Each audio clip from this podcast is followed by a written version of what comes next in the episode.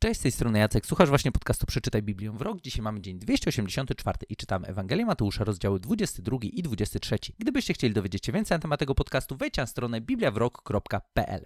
W tych konkretnych rozdziałach, które mamy dzisiaj, pojawiają nam się bardzo wyraźnie historie z dwiema konkretnymi grupami ludzi, z którymi Jezus za bardzo nie mógł się dogadać. I do tych grup odniosłem się króciutko w odcinku, kiedy rozmawialiśmy na temat powołania Mateusza i tych uczniów, których właśnie Jezus miał, gdzie z jednej strony był Mateusz, który był cennikiem, z drugiej strony był Szymon, który był zelotą. O tym rozmawialiśmy w jednym z wcześniejszych odcinków na temat Ewangelii Mateusza. No ale nie sposób w końcu nie odnieść się do zawodników, którzy tak wyraźnie pojawiają nam się w dzisiejszych historiach u Mateusza w rozdziale 22 i 23 chociażby, gdzie jedni i drudzy w rozdziale 22 próbują Jezusa podpuścić. Próbują zadać mu jakieś pytanie, gdzie go zagną, gdzie wprowadzą go na jakąś minę, gdzie uda im się w jakiś sposób pokazać, że ej, my tutaj mamy rację, w ogóle ty, co, za bardzo się nie znasz, kim ty w ogóle jesteś, o co tobie tutaj w ogóle chodzi. Więc to są historie, które chociażby jedna zaczyna się od wersetu 15 w rozdziale 22 Ewangelii Mateusza, gdzie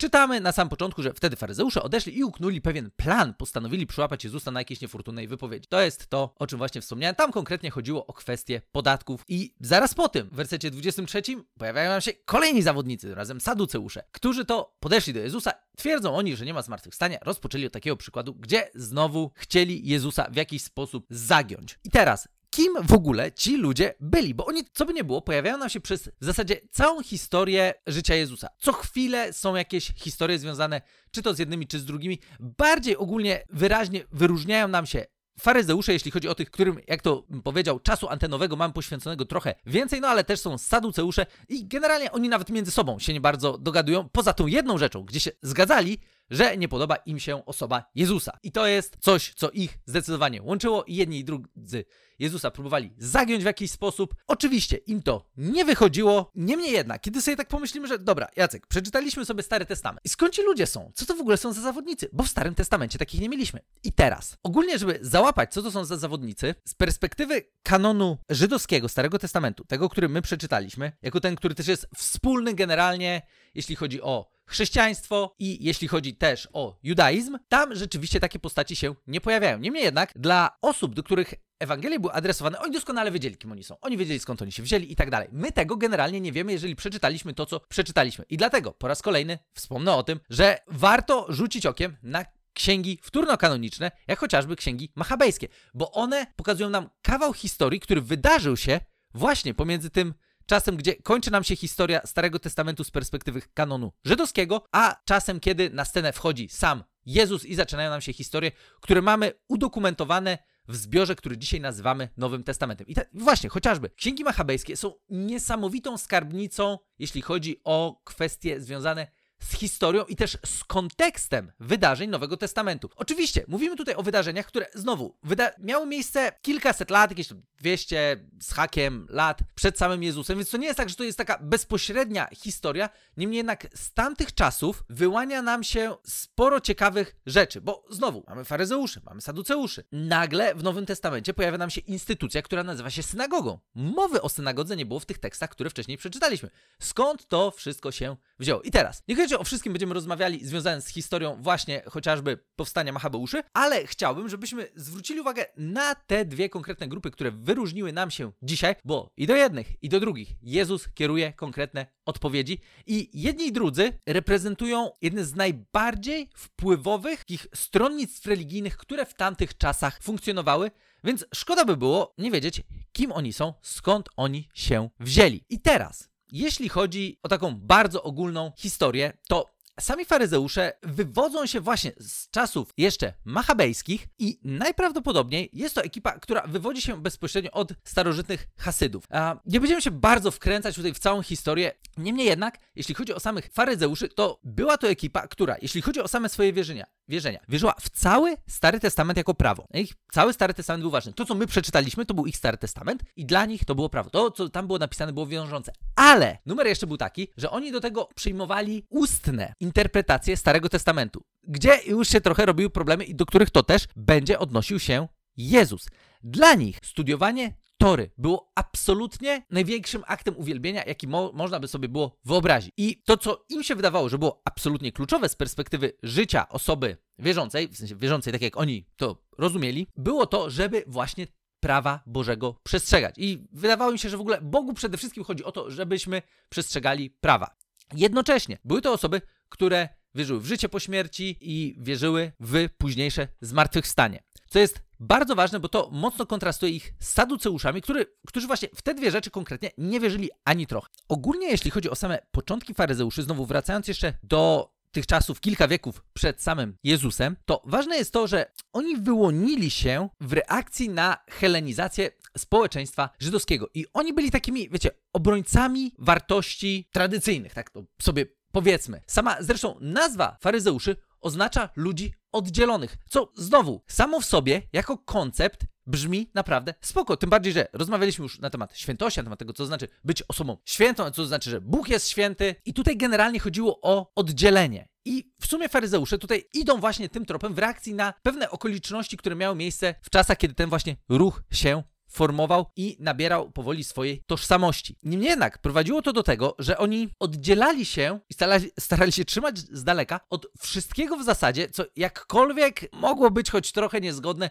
z Bożym plan, planem, po to, żeby móc do Boga się zbliżyć. Czyli tak, jeżeli jakkolwiek twoje życie nie reprezentuje Bożych standardów, no to ja nie chcę z tobą mieć nic do czynienia, bo ja jestem czysty i nie będę się tobą brudził. Tak w dużym skrócie moglibyśmy powiedzieć. No i generalnie nie dziwi tutaj to, że były to osoby, które w dużej mierze no, miały problem do Jezusa, bo Jezus był z kolei tym, który, okej, okay, niby mówi, że taki święty, a z drugiej strony z grzesznikami się zadaje. Stąd brały się właśnie zarzuty faryzeuszy do Jezusa. I teraz oni generalnie u Jezusa mieli dosyć mocno pojechane, co mamy tak dosyć obszernie opisane właśnie w rozdziale 23 gdzie Jezus odpowiada faryzeuszom, tylko że Jezus generalnie bym powiedział, że odpowiada na pewne wynaturzenia, które tam naprawdę już miały miejsce, gdzie po prostu to ich oddzielenie to było takie, po prostu wiecie, prowadzące do miejsca, w którym my jesteśmy lepsi niż inni, bo my trzymamy się prawa, bo my żyjemy po Bożemu i tak dalej. Przy okazji były to też osoby, które jakoś tam chciały się ułożyć z Rzymem, głównie po to, żeby nie mieć problemu. Po co robić sobie jakieś tam niepotrzebne dymy, w miarę się tam, nie żeby im się to podobało, ale nie bardzo wierzyli w to, że są w stanie odzyskać niepodległość, że są w stanie jako państwo uwolnić się od władzy rzymskiej, więc jakoś tam na ile mogli, na tyle starali się z Rzymianami problemów nie mieć. Co też zresztą będzie widoczne później w niektórych historiach, które będą się pojawiały właśnie, czy to w Ewangeliach, czy też chociażby w dziejach apostolskich. I kiedy Jezus odpowiada faryzeuszom, to my często mamy taki obraz faryzeuszy jako po prostu, ktokolwiek był częścią tego ugrupowania, to był po prostu totalnym gnojkiem. Bo rzeczywiście tak oni trochę wyglądają z perspektywy tego, co my widzimy napisanego o nich z perspektywy właśnie pism Nowego Testamentu. I teraz, to, że my to tak widzimy z perspektywy pism no, Nowego Testamentu, niekoniecznie znaczy, że oni rzeczywiście wszyscy tacy byli. Bo generalnie, jak też już pewnie zauważyliście, założenia były naprawdę fajne. To nie jest tak, że oni mieli jakieś straszne założenia, że byli gnojkami, że byli wredni, że chcieli po prostu się wywyższać i tak dalej. Niemniej jednak, przez to, jak podchodzili skrupulatnie do prawa i jednocześnie sami tego prawa nie przestrzegali aż tak dobrze, jak go uczyli, Jezus właśnie odnosił się do takich postaw, które u nich były bardzo wyraźne. Więc ja nie chciałbym powiedzieć, że oni jednoznacznie to była totalnie negatywna grupa, bo tam była kupa fantastycznych gości, którzy naprawdę byli porządnymi ludźmi. Byli niesamowicie porządni, im bardzo zależało na tym, żeby być blisko Boga. Niemniej jednak spora też wpływowa część faryzeuszy, no zwyczajnie Jezusa chciała się pozbyć, co bardzo wyraźnie widzimy. W tym samym czasie też będą się pojawiały nam relacje właśnie w Nowym Testamencie, w ramach których faryzeusze też będą się nawracać, będą przyjmować Jezusa jako Mesjasza. Więc ważne jest to, żebyśmy nie patrzyli na faryzeuszy jako na totalnych dziadów. Bardziej, żebyśmy patrzyli na pewne skrzywienia w ramach tego, jak oni funkcjonowali, bo wydaje mi się, że dosyć łatwo, nawet po tym już jak opisałem ich, jako wiecie, obrońców tradycji, obrońców czystości, wiary, nauczania, etyki. Tutaj etyka dla nich była niesamowicie ważna, nawet teologia nie była chyba dla nich tak ważna jak etyka. Więc wiecie, to jak postępuje ma ogromne znaczenie, a jednocześnie oni niekoniecznie chyba, co, chyba, oni niekoniecznie kumali osobę, która te standardy etyczne im zaprezentowała, osobę samego Boga, który dał te zasady w bardzo konkretnym celu. Dla nich to trochę były, wiecie, zasady dla zasad, ale z Bożej perspektywy już rozmawialiśmy trochę na temat prawa i czemu ono było nadane i tak dalej, więc nie będziemy sobie do tego tematu dzisiaj wracać, ale tu nie chodziło z pewnością o przestrzeganie zasad dla przestrzegania zasad. Niemniej jednak oni tak do tego podchodzili. I Jezus do tej ekipy się odnosi w taki sposób w rozdziale 23, na samym początku. Nie będę czytał wszystkiego, tam generalnie generalnie oni mają dosyć solidnie pojechane w tym rozdziale, ale początek jest taki. Wtedy Jezus przemówił do tłumów oraz do swoich uczniów tymi słowami. Wykładem prawa Mojżesza zajęli się znawcy prawa i faryzeusze. Przestrzegajcie zatem wszystkich zasad, które wam podają, lecz z nich samych nie bierzcie przykładu, bo tego, co głoszą, sami nie stosują. Wiążą oni ciężkie brzemiona, trudne do udźwignięcia i kładą ludziom na ramiona, tymczasem sami, nawet małym palcem, nie chcą ich podeprzeć. Wszystko robią na pokaz, chcą być zauważani. Powiększają więc swoje modlitewne szkatułki, wydłużają frędzle swoich szat, lubią zaszczytne miejsca na ucztach i honorowe krzesła w synagogach, pochlebiają im pozdrowienia na rynkach i tytułowanie przez ludzi rabbi. I tam dalej Jezus odnosi się do nich jeszcze szerzej, do różnych tam praktyk, rzeczy, które też oni mówili, w których też widzimy, że właśnie jednym z ich problemów było to, że oni te swoje tradycje przedkładali nad Boże prawo, które dla nich rzekomo było tak ważne. No ale właśnie, tak jak wspomniałem, był tam też element bardzo kluczowy ludzkiej tradycji, tradycji interpreta- związanej z interpretacją pism Starego Testamentu, która dla nich była absolutnie kluczowa, do tego stopnia, że nawet wyglądało na to, tak jak to Jezus się odniesie właśnie w rozdziale 23 kawałek dalej, że no, oni unieważniają wręcz Boże prawo przez swoją tradycję, co generalnie jest problematyczne, jak już się domyślamy. Więc to byli faryzeusze, to byli ci goście, z którymi Jezus w dużej mierze nie mógł się dogadać. Nie zmienia to jednak tego, że byli też tacy, z którymi Jezus się dogadywał. Będzie historia chociażby u Łukasza, gdzie Jezus będzie zaproszony jakiś obiad do jakiegoś faryzeusza, więc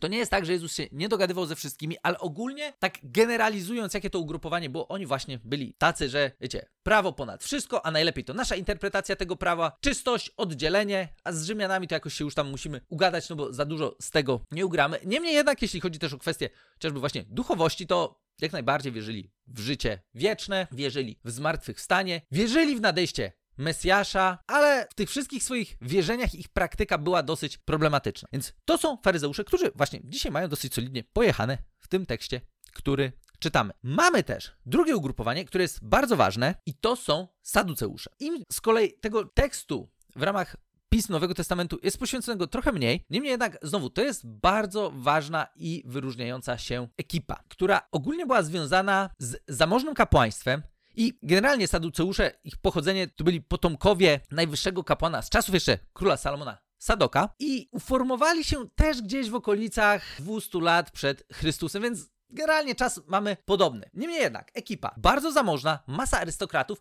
no i często też ludzie związani bardzo bezpośrednio z helenizmem. Więc widzicie, dlaczego dwu, te dwie ekipy też między sobą by się za bardzo nie dogadywały. Bo tak, faryzeusze, oni powstali jako kontra dla helenizujących się Żydów, a ci z kolei tutaj w swoim gronie nagle bardzo dużo takich osób pod wpływem kultury heleńskiej właśnie mieli. I teraz, dla nich, jeśli chodzi o same wierzenia, Tora, czy tudzież pięcioksiąg, to było Boże prawo. Reszta ich już tam za bardzo nie interesowała. Odrzucali jakąkolwiek ustną tradycję. Dla nich świątynia to była jedyna ścieżka zbliżenia się do Boga. No i generalnie świat duchowy dla nich nie istniał, życie po śmierci nie było żadną perspektywą, w ogóle w nie nie wierzyli, nie wierzyli w zmartwychwstanie. Zajmowali się w głównej mierze, czy były to osoby związane właśnie ze świątynią, z ceremoniami, z tym, żeby tą świątynię ogarnąć. Ta świątynia wtedy, jeszcze właśnie za czasów Jezusa, jak najbardziej była. Ogólnie, jeśli chodzi o ich styl życia, no to właśnie był on bardzo podporządkowany też kulturze heleńskiej. Mieli wsparcie od Rzymian, z Rzymianami się świetnie dogadywali i też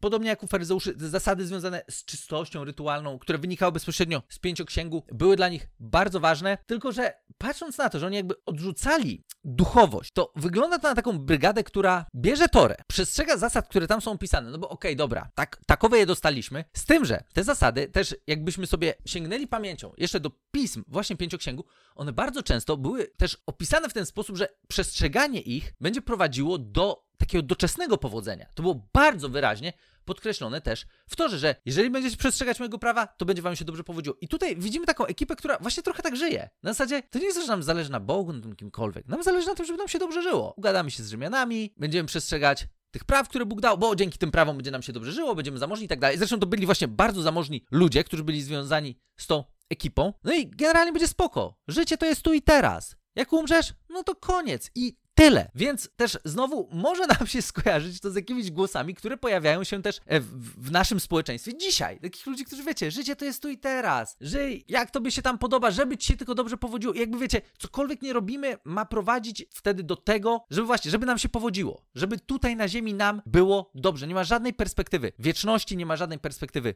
życia po śmierci. Taką ekipą byli właśnie Saduceusze. No i oni również mieli od Jezusa pojechane nie aż tak bardzo, oni tylko trochę delikatniej, jeśli chodzi o to, co przeczytamy, ale właśnie w tej zagadce, którą Jezusowi zadają w rozdziale 22, kiedy do niego przychodzą i mówią, że nie ma zmartwychwstania i podają jakiś tam przykład, Jezus odpowiada im dosyć króciutko i jednoznacznie. To jest 22 rozdział Ewangelii Mateusza, werset 29, gdzie, jest napi- gdzie Jezus im odpowiedział: Błądzicie, gdyż nie znacie pism ani mocy Bożej. I tutaj akurat chciałbym zwrócić uwagę na coś, co wydaje mi się, że dla nas może być dzisiaj naprawdę ważną kwestią. Jezus nie dyskutował za bardzo z tym, że a wiecie, wy się tam nie znacie, muszę wam wytłumaczyć o co chodzi. Jednoznacznie im powiedział: Chłopaki, jesteście totalnie zagubieni. I jesteście zagubieni dlatego, że ani nie znacie pism, ani nie znacie mocy Bożej. I tutaj to są dwie rzeczy, które też w naszym życiu powinny być dla nas priorytetem. Jeżeli jakkolwiek nasze życie wiary, drogi z Jezusem, traktujemy poważnie, żeby znać pisma i żeby doświadczać i odkrywać możliwości Bożej mocy w naszym życiu. Tutaj akurat, jeśli chodzi o tą moc Bożą, tam Jezus odnosił się znowu do tej historii związanej ze zmartwychwstaniem, ale mi osobiście wydaje się, że to jest bardzo ważne wyzwanie dla nas dzisiaj. Jeżeli nie chcemy błądzić, jeżeli nie chcemy być ludźmi, którzy wiecie, niby wiem o co chodzi w życiu, a tak naprawdę guzik wiem, jestem pogubiony, moje życie sprowadza się do tego, że jakoś tutaj funkcjonuje, żeby mi się w miarę dobrze powodziło i jeszcze to się cwaniakuje, że, że ja to tutaj wiem o co chodzi, tak jak zresztą ci cwaniakowali. Receptą na to, żeby w, takim, w takiej sytuacji nie błądzić, żeby rzeczywiście żyć życiem, które jest pełne celu, które jest pełne świadomości drogi, którą Bóg przygotował dla nas, które jest pełne znaczenia, które jest pełne tej perspektywy tego, że Bóg chce, żebyśmy wywierali pozytywny wpływ na innych ludzi, żebyśmy byli osobami jak najbardziej pomocnymi, za, zaangażowanymi w życie innych, żebyśmy byli tymi, którzy świecą jasno Jego światłem, którzy nie robią dobre rzeczy po to, żeby coś zyskać, tylko zw- zwyczajnie żyją w sposób inny, bo wynikający z tego, co Bóg włożył w nasze serducha, co włożył w nasze życie, z, tego, z perspektywy tego, jak Bóg chce, żebyśmy żyli, gdzie te zasady, którymi się kierujemy,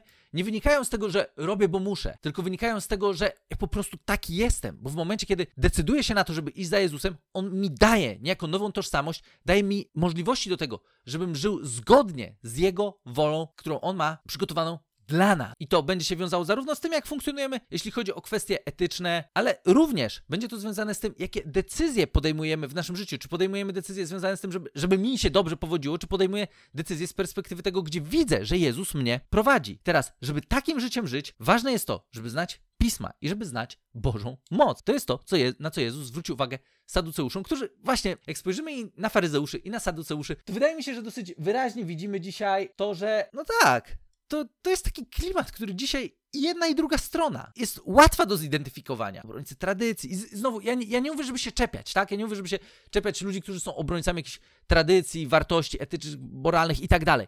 Ja nie o tym mówię. Mówię o tym, że w tym przypadku można pójść za daleko, gdzie mniej się skupimy na Bogu i na tym, co Bóg ma przygotowane dla nas i jak Bóg patrzy na człowieka, Bardziej skupimy się na tym, że takie są zasady i tak musimy żyć. Co generalnie nie jest w ogóle tematem nauczenia Jezusa. Jezus nie przyszedł nie powiedział, róbcie tak, róbcie tak, tutaj macie listę rzeczy do zrobienia. Nie, Jezus dał przykład tego, jak żyć jako człowiek będący prowadzonym przez Ducha Świętego, który realizuje wolę Ojca. Z drugiej strony, saduceusze znowu, to, to naprawdę jest, jest pełno takiego klimatu, tak? Tu wszystko, co, co jest ważne, to jest tu i teraz, żeby mi było dobrze. Nawet jak będę starał się żyć zgodnie z jakimiś etycznymi normami, to, normami, to po to, żeby mi było dobrze, żeby mi się powodziło i tak dalej. Znowu, po śmierci nie przejmuj się, nic się nie stanie, kumbaya, będzie spoko, nie ma życia po śmierci, żyjemy tylko tu i teraz, więc niech nam żyje się jak najlepiej. I to prowadzi do życia zagubionego, tak jak to właśnie wyglądało w przypadku Saduceuszy. Więc mam nadzieję, że ten dzisiejszy odcinek na temat tych właśnie dwóch grup pomoże nam z jednej strony lepiej zrozumieć świat, w którym funkcjonował Jezus, będąc na ziemi,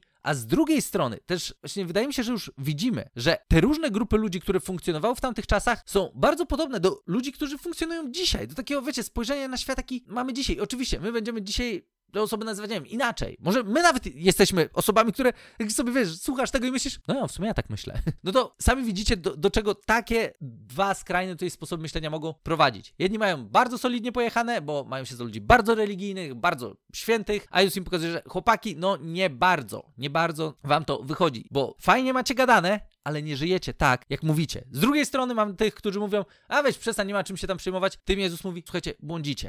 Bo nie znacie ani, ani mocy Bożej. Bądźmy tymi, którzy znają Pisma, którzy znają moją mo Bożą moc, którzy doświadczają Bożej mocy w swoim życiu i żyjmy życiem, w którym będziemy jak najbardziej podobni do Jezusa. Gdzie ktoś spojrzy na nasze życie i powie, w ogóle nie wiem o co mu chodzi, ale on naprawdę wygląda trochę jak jest. Wiecie, wiecie nie, że fizyczny, wiecie o co mi chodzi. On żyje jakimś takim życiem, które przyciąga ludzi, którzy są zgubieni, życiem, które wyznacza pewne standardy funkcjonowania, pomagania innym i relacji z Bogiem, który chce być nie tylko częścią naszego życia, on chce być całym naszym życiem, po to, żebyśmy my mogli być jego naśladowcami, żebyśmy mogli żyć życiem kompletnie nie z tego świata, po to, żeby jak największej ilości osób pomóc tym, żeby tego Boga odkryć, poznać i żeby również ich życie doświadczyło przemiany.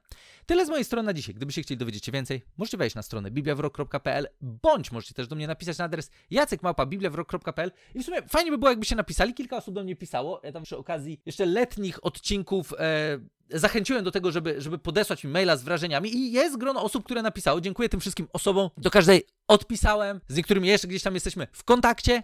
Niemniej jednak napiszcie, napiszcie, dajcie znać, czy wam się to podoba, czy nie, to o czym tutaj rozmawiamy, czy wam to pomaga w ogóle, czy rzeczywiście pomaga wam to czytać Biblię, pom pomaga wam to w tym, żeby lepiej zrozumieć, co Bóg ma przygotowane dla nas i w jaki sposób my możemy dzisiaj, korzystając z Biblii, realizować Bożą wolę dla naszego życia. Możemy odkrywać to, jak praktyczne wyzwania rzuca nam Biblia dla życia w dzisiejszych czasach, a nie tylko dla ludzi, do których ta książka była pierwotnie pisana tysiące lat temu. Więc raz jeszcze zachęcam Was do maili, zachęcam Was do tego, żebyście się odezwali, dali znać, co o tym myślicie. Jeżeli słuchacie na Spotify'u, możecie też dać 5 gwiazdek, nie obrażę się ani trochę, a innym pomoże to w tym, żeby ten podcast odkryć. Zresztą właśnie jedna z osób, które do mnie pisały, odkryła właśnie podcast przez to, że e, szukała słowa Biblia na jednej z platform podcastowych, no i tam właśnie ten podcast znalazła i od czerwca e, czyta Biblię razem z nami. Od czerwca, kumacie? To jest naprawdę tempo, to jest ostre tempo. Nie że czyta Biblię, to jeszcze, jeszcze słucha podcastu i generalnie e, wrażenia były bardzo pozytywne, więc jeżeli możecie, na Spotify'u 5 gwiazdek, gwiazdek, nie obrażę się. Jeżeli uważacie, że to jest warte tylko 4, dobra, dajcie 4, ale dajcie coś. Jak uważacie, że jest beznadziejny, to nic nie dawajcie, bo co.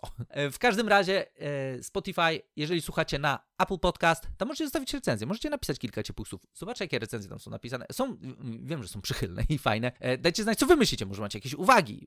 Będę wdzięczny za, każdy, za każdą informację zwrotną z waszej strony i słyszymy się już jutro w kolejnym odcinku.